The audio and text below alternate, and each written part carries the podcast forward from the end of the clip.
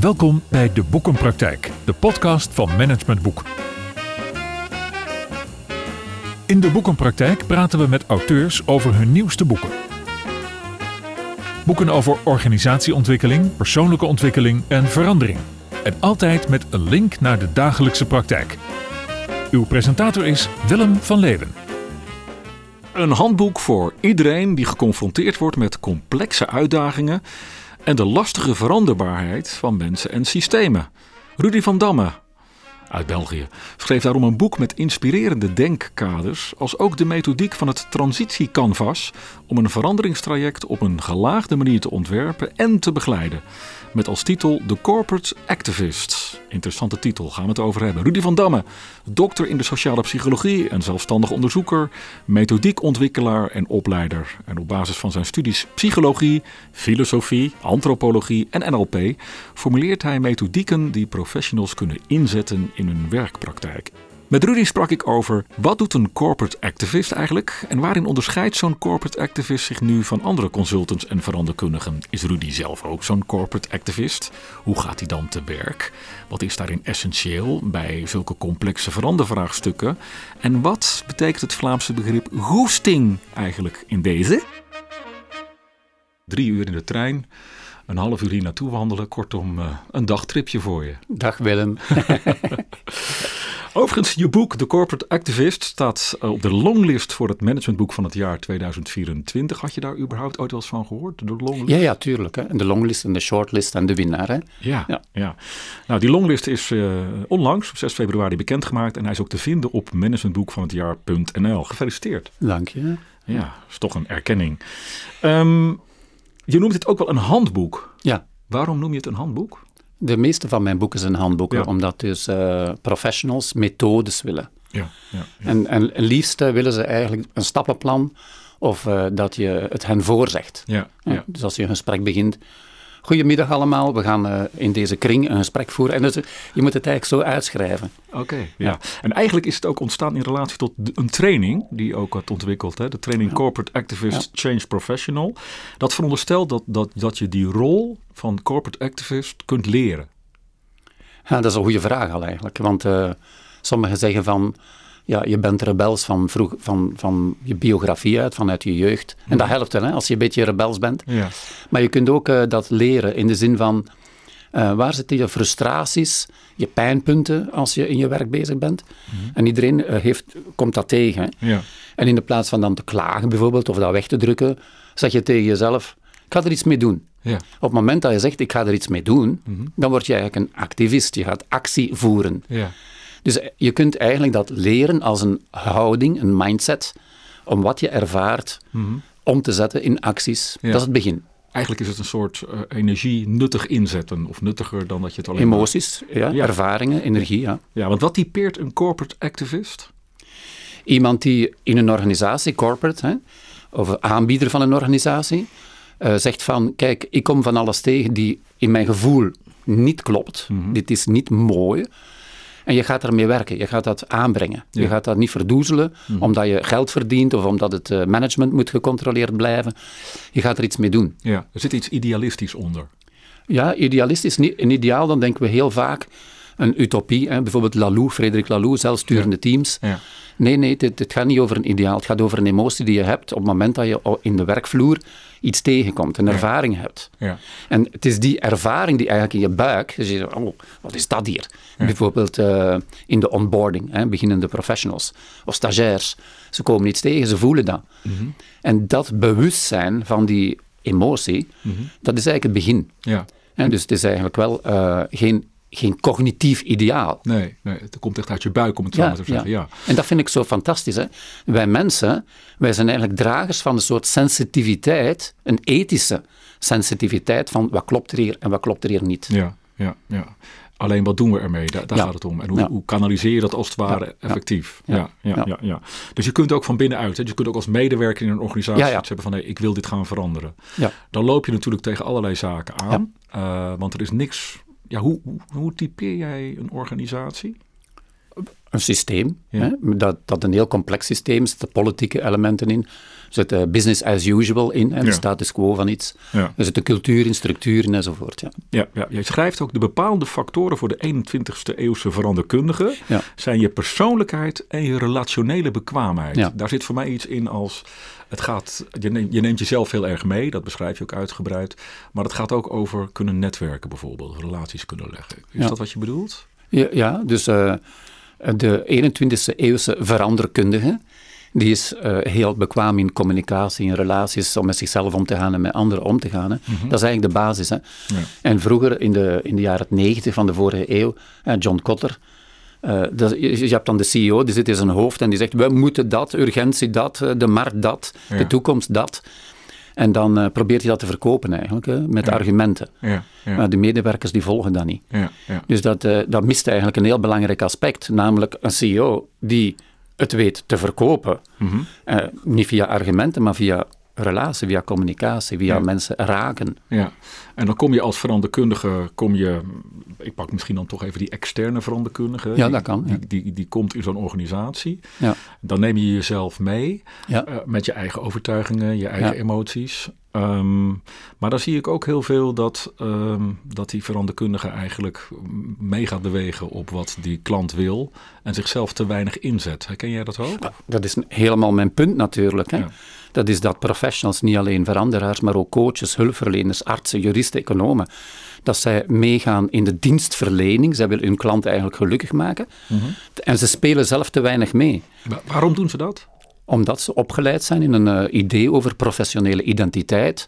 Ik ben een expert en ik ben dienstbaar. Hmm. En ze vergeten zichzelf daarin. Ja. En ze worden ook geleerd in, in hogescholen en universiteiten om hun subjectiviteit te, te neutraliseren. Dus Ze Ja. mogen niet subjectief zijn, ze moeten objectief zijn, evidence-based. Ja.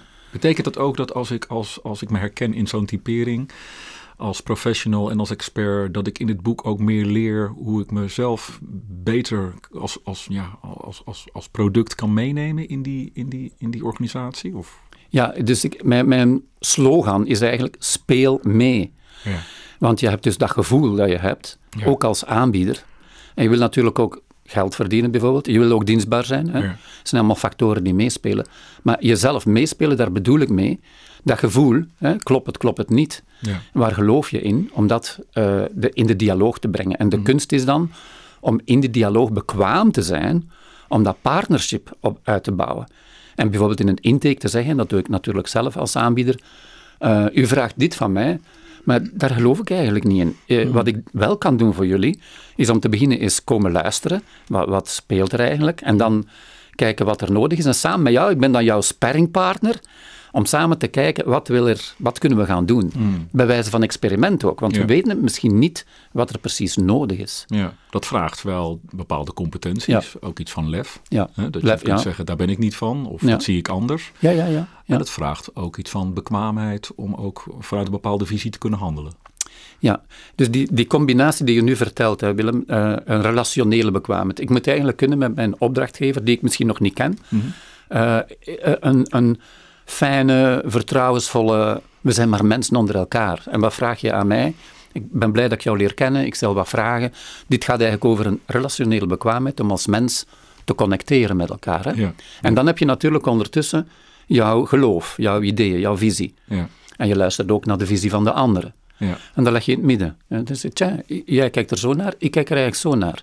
ja. En in die eh, communicatie, en dat, is, dat is een bekwaamheid om dat te managen, die, die, dat verschil dan. Moet een beetje denken aan een van die eigenschappen van Covey. Eerst begrijpen, dan begrepen worden. Ja, Ja, Eh, eerst, ja, Eh, ja klopt. Ja. Eerst, ja, je gaat altijd eerst met de ander beginnen natuurlijk. je, je toont aan de andere dat je die begrijpt. ja, En dan wil je ook begrepen worden. Hè? Dat mag je niet vergeten. Hè? ja. Je speelt mee. Ja. Ja. Nou heb je natuurlijk eh, verschillende soorten verandervraagstukken. En jij bent vooral van de taaie verandervraagstukken. Ehm, wat, wat, is- wat is een taaie Dat verandervraagstuk? heb ik van, van Hans Vermaak Ja, natuurlijk, hè, ja. die eh, ook dat woord gebruikt. En ik denk dat hij dat woord gebruikt als synoniem voor wicked problems. Mhm. Dat zijn eigen vraagstukken die jarenlang, decennia lang blijven liggen. Ja. Eh, ziekteverzuim bijvoorbeeld, of in de samenleving armoede, Mhm. obesitas, eh, eetgewoontes van mensen. Ook in de organisatie het feit dat we in hokjes werken. Dat zijn eigenlijk zaken die we al 50, 60, 70 jaar benoemen. En er komt geen beweging in. Nee. Dat, dat lukt blijkbaar niet. Dus het is een taai vraagstuk, omdat er ondanks onze verschillende pogingen en de zelfsturende organisatievorm van Lalou was daar een voorbeeld van. Ja. Oké, laat ons alles schrappen en zelfsturende teams inrichten. Ja. Dan zijn we allemaal meer gemotiveerd. Ja. Ja. Wat blijkt, hm, toch niet helemaal. De- Dus eigenlijk zeg jij, we zijn eigenlijk vooral gefocust op korte termijn oplossingen of op schijnoplossingen.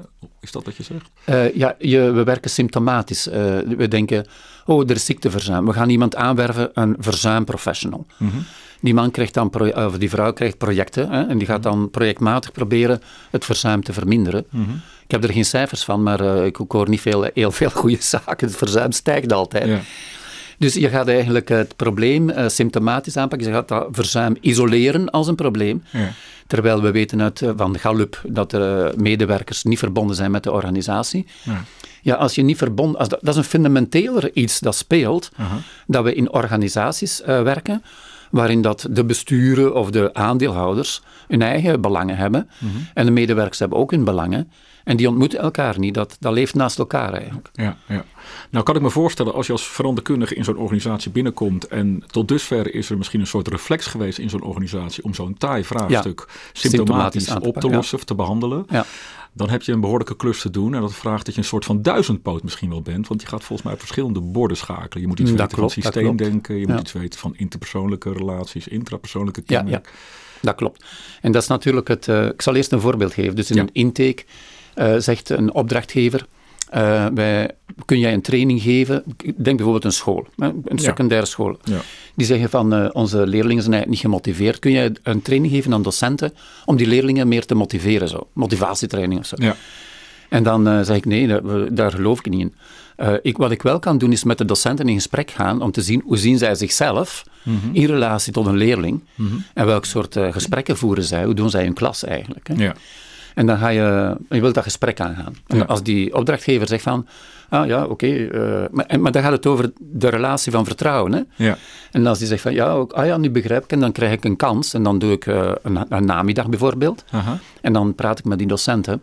En vandaar komt er dan weer een volgende stap. Ja. Ja. Zie je, dus je gaat eigenlijk stapsgewijs werken. Je verkoopt niet één offerte, Nee. maar je gaat eh, met sparringpartner met de opdrachtgever vertrouwen en dan zo op stap gaan. En ehm, wat ik ook hoor zeggen in dit voorbeeld is dat je niet onmiddellijk naar die medewerker toestapt, maar dat je het niveau daarboven, oftewel die docenten eerst eens even Ik, gaat ik, ontmoeten. eh, ik, eh, ik eh, eh, werk met de mensen die, die ze mij geven eigenlijk. Hè. Oké, Dus ik- meestal krijg ik wel opdrachten vanuit de, de directie. Hè. ja. Maar Dus- de reflex is ook die ik vaak merk als veranderkundige, is dat die directeur, in dit geval Ja. van een school dan als voorbeeld, ja.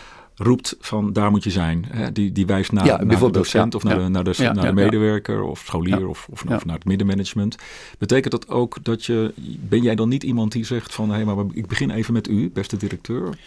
Ja, dat doe ik sowieso, want in de intake gaan we eigenlijk eh, ook elkaar leren kennen. Ja, Hè? ja. Maar ik ga niet zeggen van, ik ga jou drie sessies coachen. nee. Eh, het, gaat- wij zijn, je bent ook maar directeur. Hè? Ja. We zijn allemaal maar, maar mensen met een functie en een verantwoordelijkheid en we doen ons best. En dan zeg ik van, oké, we gaan dat samen doen. Oké, we gaan dan beginnen met die docenten. En dan daarna zien we weer hoe dat, dat bij hen komt. En in het geval dat ik nu voor ogen heb, krijg je dan na drie jaar, hè, krijg je eerst werk met de docenten, werken met leerlingen, met studenten. Ja. Dan een HR-beleid die herschreven wordt op ontwikkeling in de plaats van beoordelen en afstand. En dan krijg je directieniveau die zegt van, oh, we moeten eigenlijk heel onze beleid en onze identiteit van onze school herzien. En dan zeg ik, ja, we gaan samen school maken. Samen met de leerlingen, met de docenten, met de directie. Co-creatie. Ja. Ja, dat vraagt wel, ik vind het overigens een mooi voorbeeld, dankjewel daarvoor, maar dat vraagt wel dat je ook, denk ik, als, als professional en veranderkundige goed moet Ja. definiëren waar je zelf wel en niet van bent. Ja, maar dat, je vraag die je daar juist stelde, heb ik nu nog niet beantwoord. Dat is van, de lat ligt eigenlijk heel hoog voor die veranderkundigen. Ja, Dat heb ik ook ja. in mijn boek omschreven. Ik, ben, ik zelf natuurlijk eh, heb alle, in mijn loopbaan alle beroepsrollen doorlopen. Hè. Dus als psycholoog ben ik, kan ik individuele gesprekken voeren met een coach. Mhm. Ik kan met teams werken, ik kan groepsgesprekken faciliteren. Ja. Ik, ik, heb, ik ken systemen, ik weet dat ik in systemen consultancy kan doen. Mhm. Dus die lagen, die verschillende lagen, die heb je allemaal tegelijkertijd nodig. Ja. Want op het moment dat je dan bijvoorbeeld in een eh, gesprek zit, Ja. kun je bijvoorbeeld op een bepaald moment een coachende vraag stellen die heel privé is. Hè. Je kunt zeggen, hoe voel jij jezelf daarbij? Ja. Eh, of eh, naar het politieke systeem kijken, of Mhm. zelfs naar de sectoren daarboven kijken, de sectoren die in transitie zijn. Ja. Daar moet je al filosoof voor zijn, Ja. of maatschappijcriticus, om dat ook nog eens te gaan zien. Ja. Ja, En bijvoorbeeld zie ik van, om nu het onderwijs weer als voorbeeld te nemen, maar het zit in alle sectoren, eh, de transitie in het onderwijs is eigenlijk, ligt boven de scholen. Dat heeft niks met de scholen te maken. Mhm. Het heeft met de maatschappij te maken die iets verwacht van de scholen, van het onderwijs. Mhm. Ja, En iets anders begint te verwachten. Ja. En die, die, die directie zegt dan, ja, onze studenten zijn niet gemotiveerd, die vinden het veel leuker om in Albert Heijn een baantje te doen dan hier eh, aanwezig te zijn. Want Albert Heijn eh, organiseert een training voor hun jobstudenten. De school is in Albert Heijn, daar, daar, dat weet die student. ja. Eh, eh, en de school daar voor zijn punten wiskunde, dat interesseert hij hem niet. En dus eh, ga- dan moet je eigenlijk fundamenteel gaan nadenken. Hé, hey, waarom doen wij onderwijs in een school? Waarom doen wij niet onderwijs in dat bedrijf? ja, ja, ja. En dat soort denken, dat is vraagt enorm breed. En fundamenteel betekent ook op verschillende schaalniveaus. Ja, schaalniveaus, dat je- bedoel ik, Dat, dat je op organisatie, Ja. maar ook op maatschappelijk Ja. niveau naar dit soort Ja, vraagstukken kijkt. Dus je moet eigenlijk als veranderkundige kunnen zeer individueel connecteren en vragen stellen, Mhm. de coach eigenlijk. eh, met groepen werken, met systemen werken en in die maatschappelijke laag ook kunnen bezig zijn. Ja. Die voortdurend ook meespeelt in, op de werkplek. Hè? Oké, daar gaat mijn eerste stelling over. Ja, Stelling ik merk dat 1. ik op dreef ben. eh. gooi maar, gooi de stelling maar. Ja. Je bent een verteller ook, zei je, dus dat is ook heel mooi. ja, maar ik werk eigenlijk liefst met mensen. Het is niet dat ik, ga, ik ben nu aan het vertellen, Aha. Maar ik ben eigenlijk iemand die in de klei werkt met de mensen die eigenlijk eh, nog helemaal niet zo veranderlustig zijn. En want die krijg ik dan. Mhm. die, zit- die mensen hebben geen sociale media, die zitten niet op LinkedIn, die hebben een gouden kooi, die verdienen hun geld enzovoort. En dan luister ik. Ja. Dus vergis je niet, ik ben een goede luisteraar dus. En, een dialoog. Dan, dan luister je. En Ja. waar luister je met name naar? Wie wil je zijn Ja. als mens? Ah. Eh, wat is jouw zingeving? Wat kom je hier doen? Eh, Ja. Je werkt hier al tien jaar in dit bedrijf. Eh, ben je verbonden met dit bedrijf? Wat, waar zit eigenlijk je, je zingeving? Ja. Ja. En dat zijn eigenlijk vragen die confronterend zijn. Ja. En zo krijg je, je masseert mensen eigenlijk los om ook eh, fundamenteler na te denken over hun leven. Hmm. Ik schakel even naar mijn Ja, stelling hoor. stelling. Want, Ja, nou, go. dat is wel mooi, want daar gaat deze eerste stelling over. Stelling 1. We hebben afgeleerd om te voelen en te dromen en dus weten we vaak niet meer wat onze idealen zijn. We, we hebben dat niet afgeleerd, we onderdrukken dat. Ah, Want die zijn continu nog aanwezig. Vanaf het moment dat je aan iemand vraagt, wat is je frustratie? Poef, het komt eruit. ja. ja. En waarom onderdrukken we dat? Is dat gewoon... Omdat wij de zelfsturingsvaardigheid, ik spreek in het algemeen nu, Ja. dat heel veel mensen de zelfsturingsvaardigheid niet hebben om hun eh, gevoel, hun frustratie aan te kunnen. Om dat op de plek der moeite te blijven staan, zeg ik dan. Ja, Mijn ja. Wirtsma heeft dat begrip eh, uitgewerkt. Hè. Ja. Dus je moet kunnen zeggen van, kijk, eh, Mooi term hè, plek der moeite. ja, ik ben gefrustreerd, maar ik blijf staan Hmm. in die frustratie. Ik ga niet cynisch worden of... eh, Ja. Maar terug hè, naar dat moment, want dat is denk ik een mooi Ja. moment. Dat jij zegt, ik krijg de mensen die ik krijg en ik ga vooral met ze in gesprek en ik luister vooral. En ik ben op zoek naar hun zingeving. Hè. Dat is Ja. volgens mij in de kern waar Ja. het over gaat. Dan kan ik me voorstellen dat dat, dat, dat ehm, iets oplevert, ook wel van frustratie, van dit is wat ik heel graag wil. En dan komt de maar. De maar in de zin van ja, maar dat lukt hier niet in deze organisatie. Dan komen alle beperkende overtuigingen, maar misschien ook wel alle feitelijke beperkingen of belevende beperkingen Mhm. komen op tafel. Hoe, hoe dan verder? En dat is nu juist heel boeiend. Daar moet je eh, beïnvloedingstechnieken voor kennen eigenlijk. Hè? Want je wilt met die mensen aan, aan de slag gaan. Ja. En die mensen zeggen van, ja, maar ik heb dat al geprobeerd, het gaat hier niet. Hè? Of ze zeggen, hoe dan hè, met jouw idealen? En dan eh, is het eerst van, ja, hoe, hoe ga je daar nu zelf mee om? Hè? Hoe, eh, je, je klaagt daar nu over bijvoorbeeld. En eh, praat je daarover thuis of loop je daar nu al lang mee rond? Dus je gaat eigenlijk daar erkenning aan geven, aan die frustratie. Ja. En dat is het begin eigenlijk, want veel mensen gooien hun overtuiging in het midden. Die zeggen van, ja, hoe moeten we het dan doen? Het, eh, het is hier altijd hetzelfde met die leidinggevende. En ze gooien dat eigenlijk in, een, in, een, in de context van een communicatie, naar mij bijvoorbeeld. En eigenlijk verwachten ze dat ik zeg, ja, maar, of je hebt gelijk. Nee, dat doe ik niet. Nee. Ik, ik ben maar een eh, buitenstaander. Hè. Dus Ja. hebben ze dan te reflecteren over. Ja, dat is eigenlijk waar. In het leven is er overal ellende. Eh, ner- nergens is het echt ideaal. Wat, wat doe je eigenlijk met frustraties? Want ik merk dat je precies cynisch bent geworden. Dus ik ga eigenlijk ook meespelen. En ik zeg, ik merk dat je precies cynisch bent geworden. Hoe lang ben je eigenlijk zo al aan het rondlopen hier? Vind je dat eigenlijk leuk voor jezelf? Ja. En je ziet dat ik in mijn stem, ik, ik, ik, doe nu, ik acteer dan Ja, nu eventjes, hè.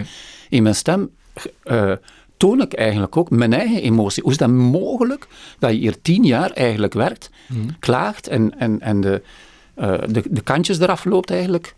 Hoe, dat- hoe, hoe hou je dat vol? Ja, dat, dat voelt heel empathisch, maar, maar toch even advocaat van de Dat is duivel. provocatief, ja. Ja, zeker. Ja. Ja, maar dan zeg ik toch even, ja, maar ik heb een hypotheek en eh, ik, ik moet nog tien jaar. En, eh, Maar kijk, weet, dit is het vraagstuk van hoe ga je om met jezelf als jij een hypotheek hebt en in die gouden kooi wil blijven?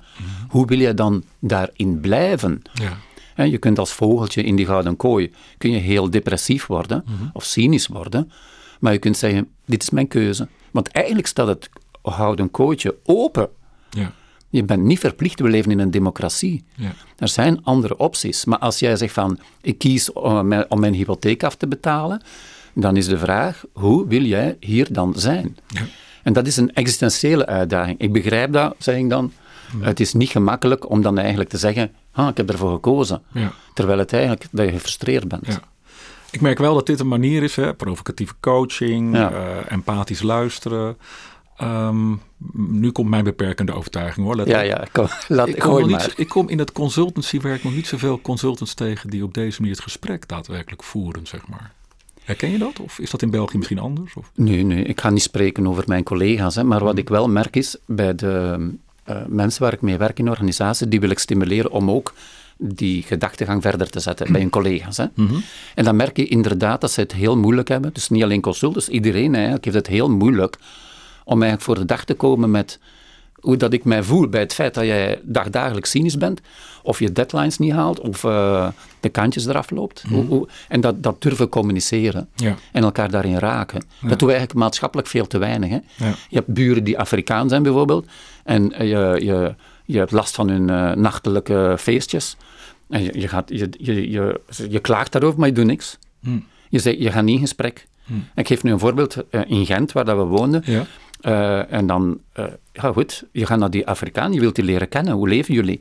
En dan nodigen ze ons uit voor een kerstfeest enzovoort. En in één keer is het al veel minder lawaai. Hè? Ja, Omdat je betrokken bent, je bent die verbinding aangaan. Ja. Maar Dus- het gaat eigenlijk over een soort van persoonlijkheidscompetentie, noem ik het maar even. Ja. Namelijk dat je gewoon vanuit de grond nieuwsgierig bent naar, naar de ander. Een soort nieuwsgierigheid naar hoe mensen denken, Ja, leven. Ja. En Ja. dat, dat breng je ook mee, denk ik, in je, in je, in je, in je werkpraktijk. Dat is denk ik Ja. waar het over gaat. Hè? Ja, ik denk dat wij eigenlijk, eh, als ik nu aan Nederland denk, omdat jullie zo ingezet hebben op zelfsturing en zelfregie, Ja. wij in Vlaanderen veel minder, dat eh, wij eigenlijk met een uitdaging staan van nieuwe soorten zelfsturingsvaardigheden. We hebben altijd gedacht, zelfsturing dat is een doel, actie, doel bereiken, als team, individueel enzovoort. Ja. En in feite is dat een, eh, ah, van de jaren van de, van de 20e eeuw, doelgericht werken. Wij moeten veel meer connecteren met wat er is.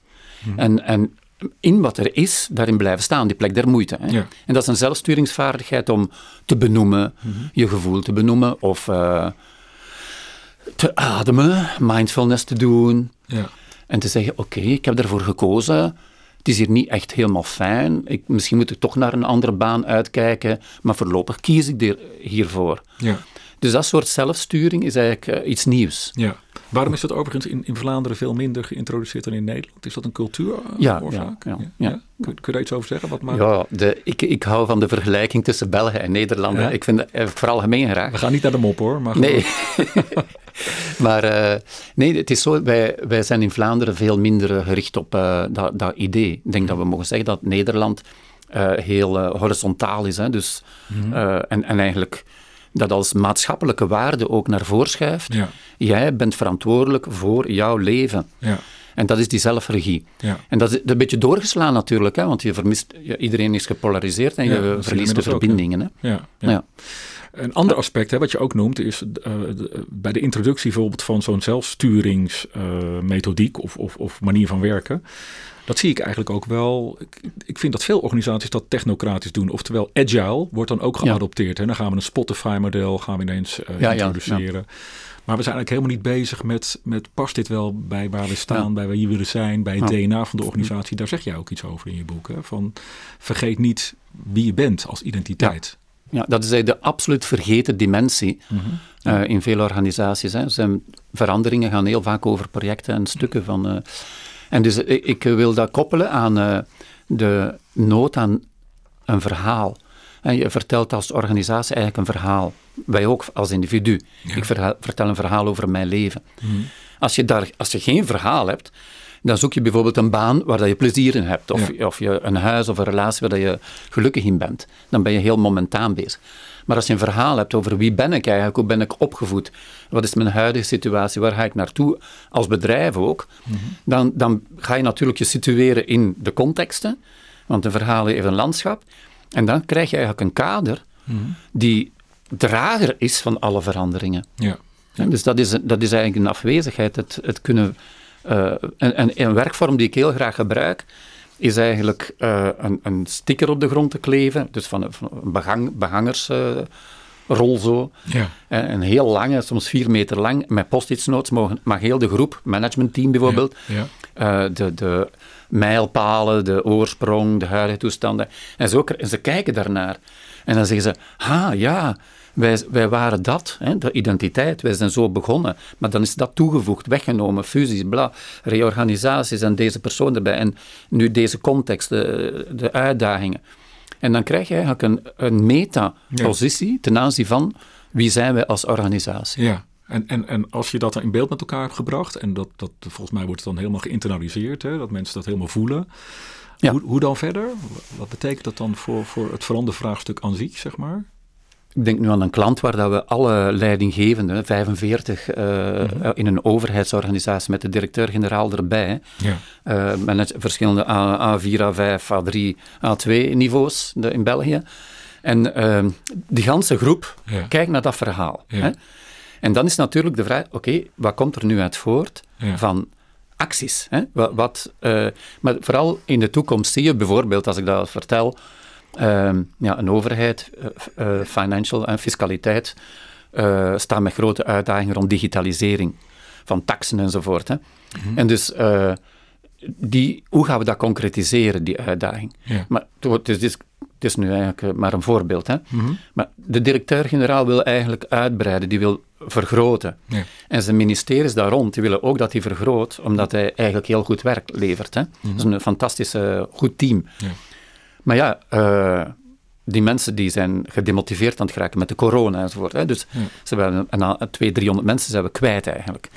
Eh, en we we zijn met 600 in totaal. En dus, maar hoe kunnen wij die toekomst wel dragen, digitalisering, als we die mensen kwijt waren? Moeten we niet eerst iets anders doen? Dus dan krijg je projecten Ja. die, die dat verhaal gaan uitbouwen. Hè? Die, dan, die daarin passen. Ja. Dus ik doe die digitalisering daarom. Ik, doe, ik ga nu eerst eh, bezig zijn met het welzijn van de mensen, of ik ga nu eerst bezig zijn met het herconnecteren van mensen aan de organisatie. Eh, gaan we eerst dat doen voordat we gaan digitaliseren? Is dat ook een beetje wat Simon Sinek de why noemt? Dat je nog veel meer, of is dat nu weer te technisch wat ik zeg, maar dat je ook veel meer de bedoeling meeneemt in, in elk project. Dat is nog een ander aspect. Hè? Oké. Ik werk eigenlijk met mijn vorkmodel. Hè? Dus Ja. een vorkmodel is die gelaagdheid. Identiteit is één laag. Hoe dat je het concretiseert zijn projecten. En daaronder, onder identiteit, ligt het grotere geheel. En dus dat zijn die lagen waar dat je het ook over had. Hè? En eh, de bedoeling van Simon Sinek is niet je identiteit. Dat is, ik moet niet mezelf zijn. Mijn why is mijn bijdrage die ik lever vanuit wie ik ben aan iets anders. Hè? Ja. Zingeving is groter dan mijn ego. Ja. Dus dan ga ik eh, als organisatie zeggen: hey, wij willen eigenlijk in Brussel een fiscaliteit op poten zetten die eh, bewonersvriendelijk is, bijvoorbeeld. Hè. Ja. En eh, we willen smart tools ontwikkelen, smart eh, vervoer enzovoort. Dus heel die combinatie van wie willen we zijn voor Brussel, Ja. dat is de why. Ja, ja. Terwijl ze eigenlijk in hun identiteit bezig zijn met fiscaliteit. Hmm. Ja. Zie, dat, dat vind ik zo boeiend om eigenlijk die lagen echt te onderscheiden van elkaar. Ja. Ja, ja. Dat vraagt ook weer, eh, toch weer even terug naar, naar misschien wel de expertise van, Ja. van jou als veranderkundige, of, of, of ook wel als persoon, denk ik. Dat vraagt dat je zelf ook heel veel meebrengt. Hè? Je startpositie noem jij het ook in dat canvas. Ehm, en wat ik heel mooi vind in het boek, is dat je jezelf ook heel veel neerzet als iemand die nou ja, rolmodellen heeft, die, eh, waar je door geïnspireerd bent. Dus je, je, je neemt eigenlijk mij als lezer ook mee in wat kan je, hoe kan je je, je- ja, hoe kan je je tas vullen, zou ik bijna willen zeggen, om, om, om, om vanuit een breder perspectief naar dit soort vraagstukken te kijken. Kun je daar iets meer over zeggen? Je hebt het ook over leidende principes, je Ja. hebt het over rolmodellen. Maar wat is precies je vraag? Ja, dat is een goeie. Ehm, nou ja, is er een relatie bijvoorbeeld tussen rolmodelkeuze en leidende principes? Ehm, rolmodelkeuze en leidende principes, ja. Eh, dat zijn eigenlijk twee verschillende zaken. Hè? Maar Mhm. dus, eh, leidende principes gaat eigenlijk over, als je dan je identiteit hebt en, en de why hebt eh, ingevuld, Mhm. dan ga je zeggen van, in plaats van dadelijk naar projecten te gaan, ga je zeggen van, wat, wat zijn mijn leidende principes? Ja. Zeg, wij, wij gaan eerst voor de mensen zorgen bijvoorbeeld, Mhm. of we moeten zaken samen nemen of zo. Mhm. Ja. Dus dat is, en, rolmodel is ja, wie buiten je Ja. is voor jou een voorbeeld van, van dit of dat. Ik, ik, zie, ik, zie, ik zie geen enkel verband tussen die twee elementen die je Nee, nee. zegt. Ja. Oké, nee, nee. Ja. Het, is, het is ook niet zo dat je vanuit leidende principes bepaalde rolmodellen misschien meer aantrekt. Ja, je zou kunnen Het zeggen over van affiniteit misschien. eh, een- leidend principe zou bijvoorbeeld kunnen zijn eh, wie is je rolmodel? Hè? Allee, dat, ja. Maar het gaat misschien wel meer, misschien zit met mijn vraag, over de Ja. bewustwording van dit soort aspecten. Ik heb het idee dat we soms daar wat, wat onszelf wat meer op mogen reflecteren. Dat we wat meer bezig mogen zijn met dit soort vragen. In de zin van wie zijn eigenlijk mijn rolmodellen? En waarom vind ik dat een rolmodel? En wat zijn eigenlijk mijn leidende principes waarom ik. Ja, ik zou het eigenlijk willen uitbreiden, want ik was blijven steken in mijn gedachten op het rolmodel, omdat dat heel beperkt is. Ik zou eigenlijk zeggen inspiratiebronnen. Hè? Ja, ja. Een rolmodel is één inspiratiebron, maar je Ja. hebt ook boeken, je hebt stromingen hè, eh, enzovoort, eh, de geschiedenis. ja. En eh, wij, de meeste veranderkundigen, die vliegen natuurlijk, hè, ze moeten iets doen, het hoe, hè, hoe gaan we het doen, eh, hebben eigenlijk heel weinig, allee, dat is weer een veralgemening hoor, maar ik, ik mis bij mijn collega's eh, dat ze lezen, dat ze filosofie, antropologie, alleen dat is mijn achtergronden, ja. maar zoek je eigen achtergronden, alles is ter beschikking via YouTube of filmpjes of zo, podcasts. ja. En eh, in mijn boek heb ik ook een hele lijst geschreven van allemaal inspiratiebronnen. ja. Daar, daar hangen inderdaad ook rolmodellen aan.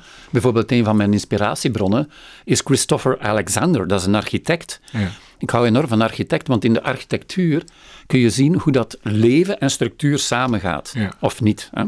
En de meeste, eh, als ik door Schiedam wandel, dan zie je overal hoe dat leven en huizen en, en stedenbouw samengaat. Dus Ja. Dat is een levendig stadje. Hè? Ja.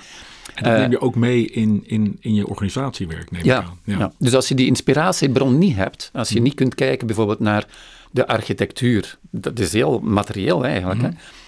Eh, die, die plant die hier staat bijvoorbeeld, hè? is dat een levende plant of is dat een plastieke plant? Hè? Eh, dit, dit zijn elementen die een enorm effect hebben op je cultuur van je organisatie. Dus de, eh, eh, dat is een inspiratiebron. Ja, Ja. ja. Zo Mag, zijn mag er eens een andere noemen? Quantumdenken. Ja, quantum, ja, in het systemisch werk van Bert Hellinger, waar dat veel van mijn collega's mee bezig zijn, Ja. eh, laat zich eigenlijk inspireren door het, eh, het, het kwantumvelddenken, het velddenken van Rupert Sheldrake en Hellinger zelf. Hè. Mhm. En biologen en, en fysici, er komt een nieuw wereldmodel op. En dat is dat wij eigenlijk elkaar beïnvloeden via energie of gevoel of eh, elkaar raken eigenlijk.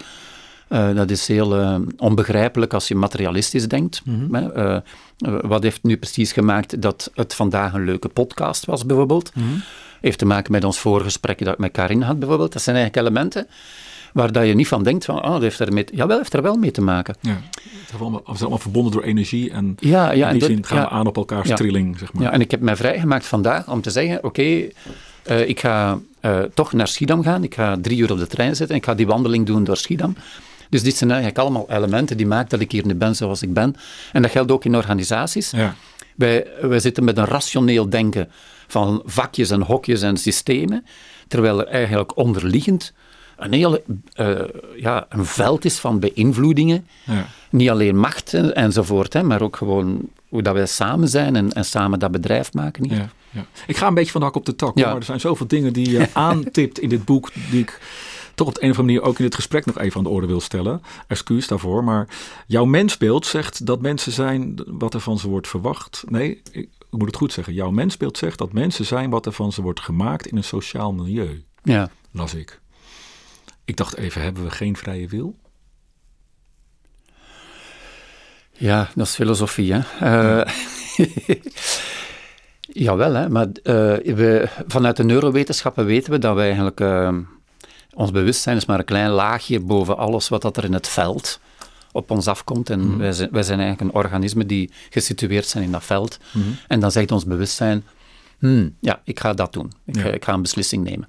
Maar de voeding van die beslissing is natuurlijk alle emotie en alle eh, andere factoren die meespelen. Hè. Ja. Dus dan zeg je eigenlijk, ja, ik heb een vrije wil, want ik ga dat toch doen. Mhm. Hè? Ja, Maar eigenlijk is dat maar een, eh, ja. een, een, een laagje boven het organisme, het ecologisch organisme dat we zijn. Hè? Ja. Wat ik, wat ik volgens mij als een soort van teneur steeds terugdenk te horen, maar Ja. corrigeer mij, is dat het volgens mij steeds belangrijk is om een soort van observant van je eigen eh, ervaring en je eigen mm, eh, gedrag te zijn steeds. Dus dat je steeds vanuit een soort derde positie naar jezelf kunt kijken van hé, hey, waarom handel ik zoals ik handel? Ja. Wat gebeurt hier nou in de connectie en in de interactie? En wat is er dus nu nodig? Behalve dat je dan ook veel ervaring en veel deskundigheid moet hebben met de interventie die op dat moment nodig is. Klopt dat? Is dat Ja, dus ik wil teruggaan op wat we daar straks zegden, zelfregie. En je kunt zeggen van mijn bewuste vrije wil is, ik stel een doel, ik doe acties, ik bereik dat doel. En dan zie je dat we, in Vlaanderen zeggen we, als een tang op een varken bezig zijn. Eh, het, het, eh, je dwingt medewerkers om die waarden te incorporeren die het beleid beslist heeft. Eh, eigenlijk, je, je voelt gewoon aan alle kanten dat we in een nieuwe tijd aan het komen zijn Ja. waarin dat de vrije wil of het bewustzijn eigenlijk eh, ge- geënt is op je openheid, dat je vanuit het ecosysteem waarin dat je zit, eh, heb je een bepaalde eh, kracht die op je inwerkt en je gaat in een bepaalde richting gaan en daar zeg je dan ja tegen. Ja. Hè, dus dat is meer, meer je verhouden met wat er is eh, dan die sturing die we vroeger altijd zegden. Ja, mooi. En waar dat eh, in het blauwe management nog veel mee bezig is natuurlijk. Hè. We gaan even naar de boekentip. De boekentip. Even kijken hoor, waar heb ik hem? De boekentip is deze keer van Henk-Jan Kamsteeg. Hij is spreker en auteur van boeken als Dienend Leiderschap, Inclusief Leiderschap en Spreken met Passie. Henk-Jan smulde van het boek Hart voor Zaken van Cor Hospes. Nu wat hem betreft al het doelpunt van het jaar. Dit is wat blijft: geloof, hoop en liefde. Deze drie. Maar de grootste daarvan is de liefde. Het zijn misschien wel de bekendste woorden van apostel Paulus die hij schreef aan zijn vrienden in het Griekse Korinthe. Cor Hospes stoerde jaren met het thema van liefde en schreef een geweldig boek over het bouwen aan een liefdevolle organisatie. Hart voor zaken. Ik heb de gewoonte belangrijke zinnen in boeken met pen te onderstrepen. In het nieuwste boek van Hospes ben ik er op een gegeven moment maar mee gestopt. Ik kon namelijk wel bezig blijven. Jaren geleden werd ik fan van Hospes. Zijn fantastische boek The Power van een contentplatform was voor mij de bevestiging die ik op dat moment nodig had dat ik op de goede weg was als storyteller. Met marketing vertel je dat je een rockstar bent, met content marketing bewijs je dat je er een bent, leerde Hospes mij. Ik herkende mij in zijn liefde voor storytelling, voor het vertellen van verhalen, van oprechte verhalen. Deze verhalen vinden we ook terug in Hart voor Zaken. Van bekende leiders, onbekende ondernemers en van hemzelf. Met als gemene deler het belang van liefde. Zorg voor liefde. Op de werkvloer, in de directiekamer. Je kunt geen organisatie leiden zonder liefde, betoogt Hospes in de inleiding. En wie denkt dat dit weeig is, heeft nog nooit een langdurige, liefdevolle relatie gehad. Want liefde is vaak ook keihard werken en keuzes maken. Keuzes voor die ander. Hospes nog één keer. De liefde maakt dat je niet vast komt te zitten in eigen belang. Hoezo soft? Daar waar singer-songwriters alleen maar over liefde lijken te kunnen schrijven, gaan veel auteurs van leiderschapsboeken aan het thema voorbij. Ja, we hebben het over dienend leiderschap, leren oprecht te luisteren, empathie tonen. Maar liefde, daar gaan we, bewust of onbewust, met een grote boog omheen. Hoe anders Hospes? Hij schrijft honderd uit over gezonde zelfliefde. Niet te verwarren met narcisme. Liefde voor je medewerkers, liefde voor je producten en of diensten en liefde voor je klanten. Hart voor zaken is voor mij als die omhaal in de kruising aan het begin van een voetbalseizoen, waarvan direct al duidelijk is dat dit het doelpunt van het jaar wordt. Dank voor dit boek, Cor. De apostel Paulus zou bij het lezen van Hart voor Zaken instemmend knikken of zelfs luid Amen roepen. Tot zover de boekentip van Henk-Jan Kamsteeg. Terug naar onze gast Rudy van Damme, naar aanleiding van zijn nieuwe boek The Corporate Activist. Stelling 2. De aard van veel organisatie-verandervraagstukken sluit te weinig aan bij wat er maatschappelijk nodig is, omdat ze sowieso te veel zijn gericht op overleven vanuit effectiviteit en efficiëntie. Ja. Eens? ja. Hoe komt dat? Kijken wij niet, zoomen wij te weinig uit? Ja, ja. Simpel, ja. Ik ben, eh, ben blijven hangen bij de titel van dat boek, Hart voor Zaken. uh, omdat ik, ik ken het niet. Maar als het een boekentip is, oké. Elk ik ben altijd nieuwsgierig. Hè? Ja. En hart, het hart, een hart voor de zaken hebben. Ja. Dus we zitten zo Zitten we daar als mens aanwezig in, in die zaken, of zijn we eigenlijk een machinerie in stand aan het houden? Mm En dat is eigenlijk uh, die overlevingsreflex. Hè. Ik vind het eigenlijk onvoorstelbaar in vergelijking met, laten we zeggen, 30, 40 jaar geleden, mm -hmm. hoe dat scholen, ziekenhuizen, uh, zorginstellingen, hoe dat zij ook bezig zijn met overleven. Aantal studenten, aantal uh, bedden die gevuld zijn. ze, ze, ze acteren als een bedrijf. Hè? Maar zijn wij niet uh, dat hart voor zaken helemaal kwijtgeraakt? Zijn wij niet zo gefocust? Zijn wij niet zo in een reflex terechtgekomen van, en misschien ook wel mede door onze economische orde, ja, van, ja, ja. van probleem oplossen, probleem oplossen, meer, meer, meer. Dus we, we zoeken het niet meer misschien uitzoomend op een ander niveau. Ja, ja klopt. Ja. Ja. Dus we, we, zijn, we hebben de, de religie kwijt. Hè? Dus de, de meeste mensen hebben geen, geen echt uh, geloofskader meer. Maar we, we hebben eigenlijk ook de moraliteit. Uh, we zijn heel plat geworden. Hè? Mm. Ja. En, en wat is de bijdrage van de corporate activist in, de, in, in, in dit speelveld? Ja, wel.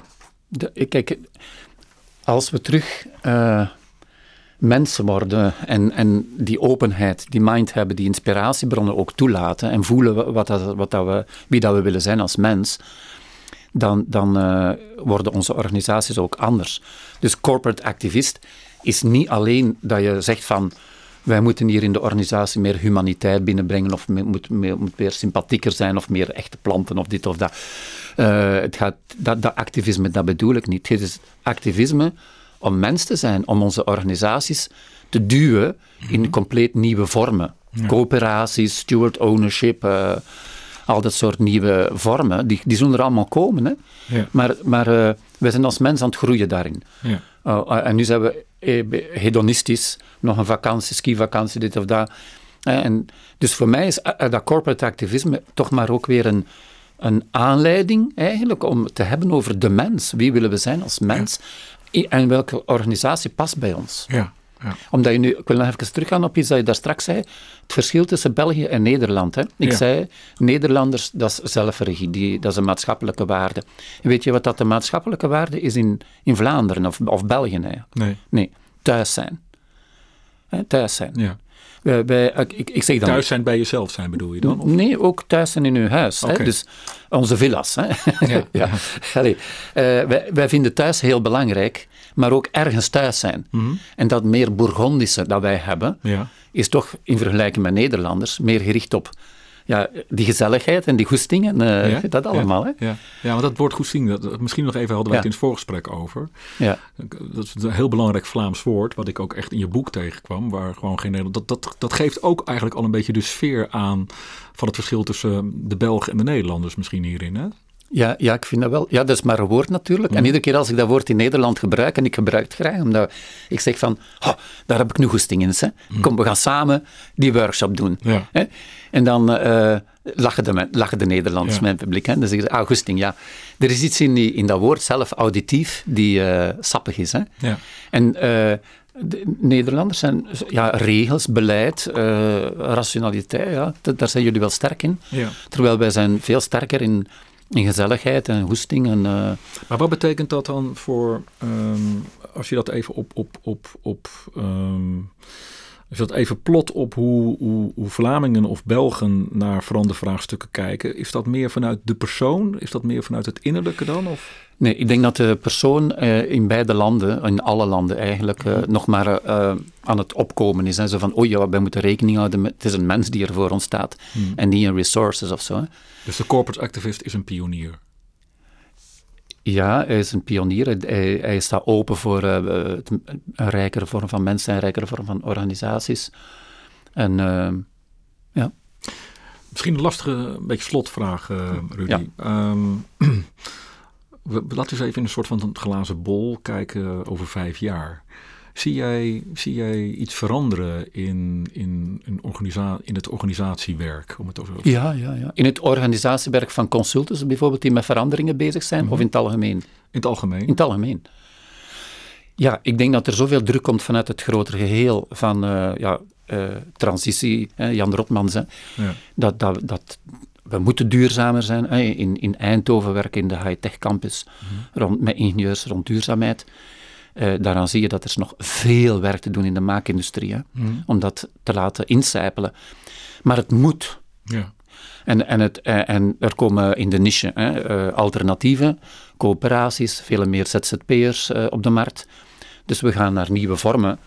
Maar het is trager dan dat we willen. Mm -hmm. Dus ik zie het, ik vind het te, te traag lopen. en, wa en, waarom vind je het te traag lopen? Er is iets heel grappigs eigenlijk. Als ik in Nederland uh, in grotere organisaties werk, laat maar zeggen vanaf 600 mensen zo, of 3000 mensen, dan als ik zeg als ondernemer, hey, we gaan, we gaan die mensen verzamelen en een large-scale intervention doen, een groot event doen, waarin we gaan kennis creëren, dan is dat voor mij, ga ik dat morgen plannen, en binnen uh, drie weken is dat event daar. Mm. Maar dat, dat, dat moet precies, dat blijft liggen. Of dat moet via allerlei mensen passeren. En dan binnen zes maanden. Maar dan is de goesting weg. Ja, ja, ja. De goesting is een emotie. Uh, en mensen hebben op een bepaald moment goesting. Ja. En dan moet je daar eigenlijk... En ik ga natuurlijk als vrije persoon, aanbieder, dat heel snel in elkaar steken. Mm. Maar in die systemen is er een soort langzaamheid. Vandaar de tanker-idee. Ja. Dat ik denk van, dat is vreemd. Waarom duurt dat zo lang? Mhm. En dan moet ik dus eigenlijk wel feedback geven aan mijn opdrachtgevers. We hebben daar iets heel moois gedaan op die twee dagen, maar we zijn die kwijt, die mensen. Ja. We moeten opnieuw starten. Ja. Want jullie hebben niet de agile dan, om eigenlijk mhm. in die loop te blijven. Ja, ja. En kom je dan weer niet op het interpersoonlijke of terecht, of het intrapersoonlijke, dat we van, als, als van nature niet, niet, eigenlijk niet willen veranderen? Ja, er is een inertie in de systemen, mhm. die ook eh, dan in die mensen zit waarschijnlijk. Hè? Want Waarom kun je niet heel snel iets organiseren? Dat kan hoor. Als ze, eh, eh, eh, om nu een gemeente te nemen, Den Bosch, waar ik ook werk. Uh, ik werk veel in Nederland, ik werk heel graag. ja. Nou, wel in Den Bosch en Eindhoven, het zijn wel de Brabantse plekken waar je komt. Ja, ja, de Brabantse plekken. ik moet wel zeggen, in Amsterdam en Rotterdam, ja, goed, dat is een heel andere sfeer. Hè? Ja. Veel harder eigenlijk. Hè? Dus inderdaad, dat, ik, ik sluit als Vlaming meer aan bij die... Er ook veel goestingen. Ja, zuidelijke uh, Holland. Maar als de vluchtelingen van Oekraïne daar staan, de week daarna hebben ze kampen, hè, dus mm. worden ze opgevangen. Dus het kan wel. Ja. En dan zie je, op het moment dat die, uh, die, die crisismanagement er komt, mm. dan zie je een agile, heel snel een heel ander soort organisatie. Iedereen gemotiveerd, sociaal werk, iedereen werkt mee, vrijwilligerswerk zelfs. Het is geregeld, hap, iedereen valt terug neer in een soort slaapachtige, trage uh, manier van professional zijn. Ja, ja, omdat we dan denken het is klaar, terwijl eigenlijk de verandering gaat continu door. Misschien ja, maar je, Het punt is dat we niet kunnen verwachten van medewerkers, het, het, is, het zit complex in elkaar. Je kunt niet verwachten van medewerkers dat ze tien jaar in een crisismodus alle mhm. agile doen. Nee. Dat, daar zijn we niet voor gemaakt, we willen tot rust komen. Maar daarom is identiteit zo belangrijk. Mhm. Van wie wil ik zijn als professional of als organisatie? En daar komen die waarden uit voor. En die moet ik eigenlijk helemaal belichamen. Ja. Ja, ik wil, ik wil nog even terug van het individu met zijn identiteit naar misschien nog het politieke bestel. Want je zei net iets over uh, gewoon de maatschappelijke urgentie die, die om transities vraagt. Hè? Jan ja. Rotmans, ja, die ook. Um, ik, ik, lees niet zoveel over de politiek daarin. We, we leven ook met een politiek bestel, ook in mhm. Vlaanderen volgens mij, ja. die daar misschien helemaal niet meer op is, is geanticipeerd. Klopt. Ja. Dus ja. van waar komt het? Hè? Ik heb, onlangs dacht ik het volgende. Eigenlijk is er een groot verschil tussen Nederland en België ook om daarmee te eindigen. Hè? Ja. Uh, Nederland heeft één overheid uh, en wij hebben er zeven parlementen, zeven overheden. Hè? Vlaams gewest, Vlaamse gemeenschap, federaal, Brussel en zo, Duits. En uh, door het feit, eh, in, beide in beide landen is de connectie met de burger kwijt. Hè? Ja. Dus, maar om verschillende redenen. Uh, de connectie is bij ons kwijt, omdat we ook niet weten bij welke overheid moeten we zijn voor welke zaken. Dat is gewoon een, een moeras. Jullie zitten te veel thuis waarschijnlijk. Ja, we, zitten, we, zitten, we willen thuis zijn. Ja. En we regelen het zelf. We hebben dus een heel belangrijke metafoor in België. Mm um, oh, weet je, we doen het wel via de achterdeur. Als het niet via de voordeur gaat, doe het via de achterdeur. En wordt dus heel veel getolereerd, omdat het toch eigenlijk te complex is om nog werkbaar te zijn. Ja. En in, in de overheid in Nederland is veel uh, monolithischer. Hè? Mm -hmm. en, en dat staat dan tegenover die burger. Ja. En dan, dat, dat, dat, dat zit dan helemaal vast in die polarisering. Ja, mooi. Ja. Mooi.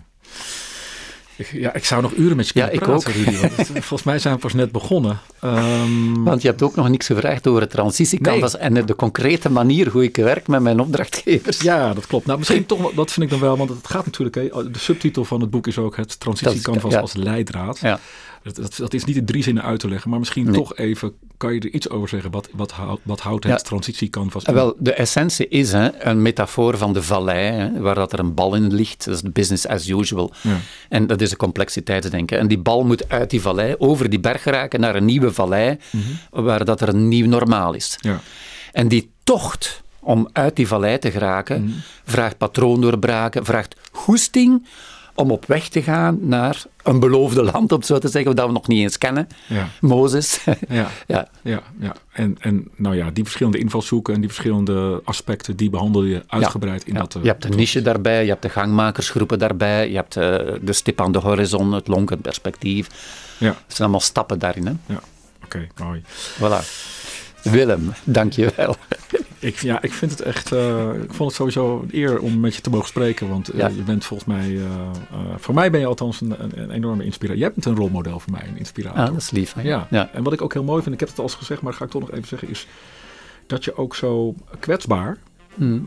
maar ook wel transparant, jezelf ook neerzet in het boek, denk Ja. ik. In alles wat, je, Ja. wat jouw inspiratiebronnen zijn, wat Absoluut, jouw ja. zijn, et cetera. Dus dat vind ik ook wel heel mooi. Dus ik, bij- ik krijg ook een inkijkje in, in, in, in Rudy van Damme. ja, absoluut. Ja. Ik ben mijn ego kwijt. Hè? Dat is, ja.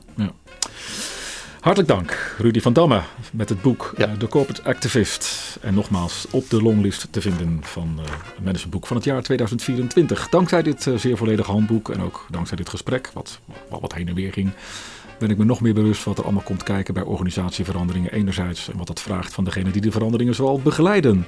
Ik verwijs jou als luisteraar van deze podcast heel graag naar de volgende aflevering die over twee weken weer op alle grote podcastkanalen te vinden zal zijn. Ook daarin spreken we weer met een auteur over zijn of haar opmerkelijk recent verschenen boek en plotten we de strekking van het boek op allerlei situaties uit de praktijk. Rest mij hartelijk te bedanken voor het eh, beluisteren van deze podcast. Heb je vragen, opmerkingen of suggesties? Mail dat dan SVP naar info.managementboek.nl Tot zover de praktijk van boeken. Kijk voor meer afleveringen of een abonnement op de boekenpraktijk op managementboek.nl/slash podcast. Je vindt ons ook op Spotify, Apple Podcast, Google Podcast en Podimo. Hartelijk dank voor het luisteren en graag tot de volgende podcast.